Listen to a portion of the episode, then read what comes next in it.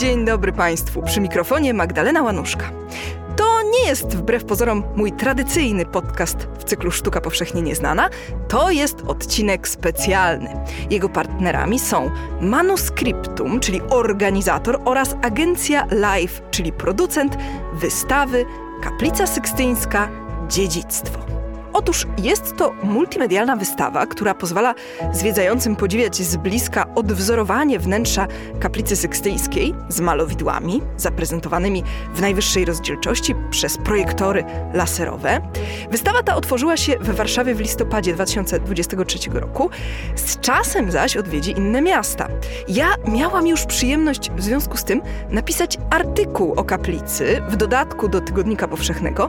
W tej chwili ten artykuł jest w otwartym dostępie w serwisie tygodnika, bardzo polecam.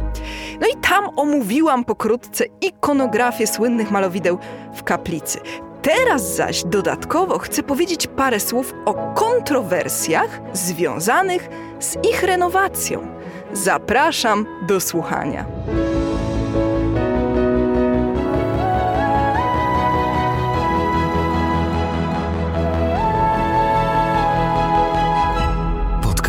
Tygodnika Powszechnego. Weź, słuchaj.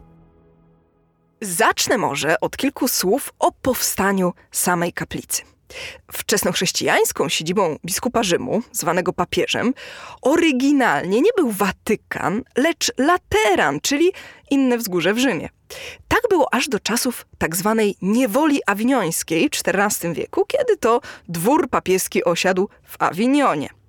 Po powrocie do Rzymu papieże ze względu na to, że Lateran był zrujnowany, ostatecznie osiedli na wzgórzu watykańskim, gdzie od IV wieku stała wczesnochrześcijańska bazylika z grobem świętego Piotra Apostoła. Oczywiście nowa siedziba papiestwa wymagała przebudowy i rozbudowy. W ramach Pałacu Papieskiego wzniesiono zatem prywatne kaplice. Była mniejsza kaplica, zbudowana przez papieża Mikołaja V, którą zdobiły malowidła Fra Angelika, i była kaplica większa, czyli tak zwana Capella Maggiore, wzmiankowana w źródłach już w XIV wieku. W drugiej połowie XV stulecia owa kaplica była w stanie no, niemalże ruiny. I w związku z tym Sixtus IV no, swoją drogą papież absolutnie fatalny, wiążemy z nim nepotyzm, korupcję, rozpustę, sprzedaż odpustów itd., tak zdecydował o jej wyburzeniu i ufundowaniu nowej. Dlatego właśnie dziś nazywamy ją kaplicą sykstyńską. Z grubsza jej plan pokrywał się z poprzednim. Podłużna kaplica została nakryta kolebkowym sklepieniem, tak zwanym beczkowym, czyli nieco spłaszczonym, z podniesioną linią szczytową i z lunetami. To są takie wcięcia, w których osadzono okna. Proporcje kaplicy, no powiedzmy to sobie szczerze, nie są zbyt szczęśliwe. Na niecałe 14 metrów szerokości przypada aż 40 metrów długości, zaś wysokość sięga 20 metrów. A zatem, nakryta tym beczkowym sklepieniem, kaplica, no we wnętrzu prezentowała się cokolwiek ciężkawo. Jej budowę nadzorował Giovannino de Dolci, którego nazwisko jakoś nie zapisało się w pamięci potomnych wśród słynnych renesansowych architektów. Prace trwały od 1475 do 1481 roku. Z powodu pojawiających się pęknięć sklepienia Później trzeba było do kaplicy dostawić przypory, a także z czasem zniszczeniu uległa oryginalna dekoracja sklepienia, przedstawiająca złote gwiazdy na błękitnym tle. Późniejszy już papież Juliusz II zamówił w tej sytuacji nowe malowidła u Michała Anioła Buonarrotiego. Podobno jego konkurenci trochę liczyli na to, że rzeźbiarz nie poradzi sobie z wymagającą techniką fresku, ale Michał Anioł był dobrze wykształcony w warsztacie malarskim, a poza tym dobrał sobie odpowiedni zespół specjalistów jako pomocników stworzył przełomowe arcydzieło, które wedle niektórych badaczy zostało w czasie ostatniej konserwacji pod koniec XX wieku bezpowrotnie zniszczone. Sztuka powszechnie nieznana. Opowiada Magdalena Łanuszka. W sumie można stwierdzić, że cała dyskusja kręci się wokół zagadnienia, jakiej techniki dokładnie użył czy nie użył Michał Anioł. Zacznijmy zatem od tego, jak się maluje freski. Fresk prawdziwy to technika niesłychanie wymagająca, ale też bardzo trwała. Generalnie z malowaniem na ścianie jest tak, że w zależności od tego, jak to zrobimy, to będzie precyzyjnie i zapewne nietrwale, albo porządnie, ale na szybko. Tak jest, proszę Państwa, taki paradoks. Fresk trzeba zrobić i szybko, i dobrze. No, tylko raczej, że nie tanio, ale to już inna kwestia. Fresk prawdziwy, czyli błon fresko, polega na tym, że maluje się na mokrym tynku. I to jest właśnie wyzwanie. Trzeba położyć kawałek tynku i zanim zaschnie, namalować wszystko. Tynk pod fresk zawiera wapno gaszone. Musimy zatem używać farb, które mają taki skład, żeby nie zaszła szkodząca kolorom reakcja z tym wapnem. I potem, jak to schnie, to wapno się utlenia i na powierzchni malowidła wytwarza się krystaliczna warstwa ochronna.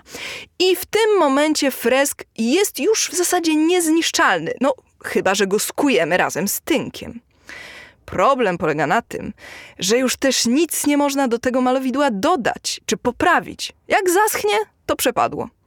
Słowem, fresk prawdziwy trzeba malować pewnie, szybko i od razu dobrze. Określenie al fresco odnosi się właśnie do świeżego tynku. W wielu przypadkach malowidła na ścianach czy sklepieniach to gigantyczne kompozycje. Trzeba zatem mieć je wstępnie dokładnie zaplanowane. Tworzy się projekt w postaci kartonów w skali 1 do 1 i po nałożeniu tynku szybciutko nanosi się kontury kompozycji, odciskając je albo przepruszając barwnikiem przez dziurki w przygotowanych kartonach. Ilość tynku zaplanowana na jeden dzień to tak zwana giornata, czyli dniówka. Zaplanowanie dniówek tak, żeby to wszystko się wizualnie potem jakoś skleiło, no to też jest sztuka. Ci, którzy siedzą w temacie remontów, wiedzą, że można nieźle spaprać ścianę, jak się nakłada tynk po kawałku i z przerwami. Oczywiście, realnie mało kto tworzył freski w 100% w technice fresku prawdziwego. Dodatkowo stosowano technikę al secco, czyli na sucho, używając jako spoiwa mleka wapiennego. No to już nie było takie trwałe, ale przynajmniej można było dać sobie czas, dopracować detale albo coś poprawić. Z czasem taka warstwa mogła ulec zniszczeniu, a poza tym bywała pożywką dla pleśni, bo zawierała kazeinę albo kleje kostne. Na sklepieniu kaplicy sykstyńskiej pierwszą namalowaną sceną był potop. I tam właśnie, podobno w wyniku błędów w przygotowaniu tynku oraz z powodu zastosowania do malówek na sucho, miały pojawić się wykwity solne i pleśń. I z tego powodu, jak uważają niektórzy badacze, Michał Anioł w dalszych pracach trzymał się techniki fresku prawdziwego. Generalnie całość sklepienia zawiera sceny starotestamentowe. Główny cykl idzie od scen stworzenia świata, czyli od początku Księgi Rodzaju, do epizodów z historii Noego. Malowidła były tworzone na specjalnie zbudowanych rusztowaniach zaprojektowanych przez Michała Anioła, które pozwalały na to, aby naraz na samej górze pracowało 5 do 6 osób. Wbrew krążącym w niektórych publikacjach informacjom, nie malowali oni sklepienia leżąc na rusztowaniu, ale pozostając w pozycji stojącej. Pierwsze dwa lata zajęło pomalowanie połowy sklepienia. Ten etap ukończony został w lecie 1510 roku. Wtedy Michał Anioł przerwał pracę, bo papież chwilowo wyjechał w celach militarnych, a artysta oczekiwał kolejnej raty umówionej zapłaty. W sierpniu 1511 roku nastąpiła prezentacja tej ukończonej połowy. Zawierała ona sceny z końca cyklu, czyli z historii Noego. I tam jest generalnie więcej postaci, kompozycje są bardziej stłoczone. W części, którą Michał Anioł malował później, figury są większe, kompozycje bardziej przejrzyste. Mniej się dzieje, ale też z odległości jest to czytelniejsze. Być może Michał Anioł no, zmodyfikował zamysł po tym, jak dzięki prezentacji połowy sklepienia sam miał okazję zobaczyć efekt z dołu, a nie z rusztowań. Druga połowa sklepienia została ukończona w ciągu roku. Ćwierć wieku po namalowaniu dekoracji na sklepieniu kaplicy sykstyńskiej, Michał Anioł Buonarroti stworzył kolejny słynny fresk w tym samym wnętrzu. Scenę sądu ostatecznego na ścianie ukończoną w 1541 roku. To niesłychanie skłębiona, dynamiczna kompozycja, wypełniona plątaniną w większości nagich ciał. No to teraz przejdźmy do kwestii renowacji. Już rok po śmierci Michała Anioła trzeba było naprawiać pęknięcia malowideł na sklepieniu. To był rok 1565. W 1625 niejaki Simone Lagi czyścił sklepienie, myjąc je szmatkami i wycierając chlebem, no bo zasadniczo freski się po prostu myje. A tutaj, no wiadomo, w kaplicy palą się świece, wszystko się w ciągu stu lat po prostu zakopciło. W początkach XVIII wieku było kolejne czyszczenie wykonane przez niejakiego Annibale Mozzuoli i jego syna. No i pytanie, czy właśnie wówczas nie nałożono warstw dodatkowych. Tak twierdził kierujący ostatnią wielką renowacją Gianluigi Colalucci. Ta właśnie renowacja miała miejsce w latach 80. i 90. XX wieku. To była gruba akcja. Były ekspertyzy najlepszych specjalistów, były konferencje, a po zrealizowaniu renowacji wybuchła afera. Jednym z najostrzej krytykujących był amerykański historyk sztuki James Beck. No, trzeba przyznać, że w wyniku tej konserwacji malowidła znacząco się zmieniły. Oczywiście, po pierwsze, kolory odzyskały blask. No, niektórzy uznali, że są w nowej wersji zbyt krzykliwe. Przede wszystkim jednak zmyto wierzchnią warstwę zawierającą cienie. Za pomocą węglowej czerni ktoś, no i tu jest pytanie, czy Michał Anioł, czy jednak ktoś później, no ten ktoś pogłębił modelunek postaci oraz dodał detale. I w tej chwili modelunek, który został, to są głównie rozbielenia. Tymczasem zniknęły nałożone na wierzch partie cieni. Niektóre postacie wręcz straciły źrenice i ogólnie modelunek twarzy. Dodatkowo zostały zmyte niektóre detale malowanej architektury, elementy iluzjonistycznie malowanych, płaskorzeźbionych ornamentów. Co ciekawe, nie stało się tak w każdym fragmencie. Są takie miejsca, gdzie precyzyjny modelunek czernią został wykonany jeszcze przed zaschnięciem tynku i pokrył się warstwą ochronną. To niestety może świadczyć o tym, że jednak Michał Anioł planował taki dodatkowy modelunek, tylko nie wszędzie udało mu się go zrealizować od razu. Pamiętajmy też, że malowali również jego współpracownicy. Jeśli elementy nałożone na sucho były częścią pierwotnego zamysłu artystycznego Michała Anioła, to rzeczywiście ostatnia renowacja dokonała zniszczenia dzieła sztuki. Jest jednak grupa specjalistów, niemała, którzy twierdzą, że te wszystkie zmyte elementy zostały dodane w czasie renowacji w XVIII wieku. Że Michał Anioł nie ryzykowałby tych pleśni i problemów, które wiążą się z freskiem suchym. Że chciałby, aby jego dzieło przetrwało na wieki, więc trzymałby się techniki fresku prawdziwego, nawet jeśli malowidła nie byłyby w każdym calu dopracowane.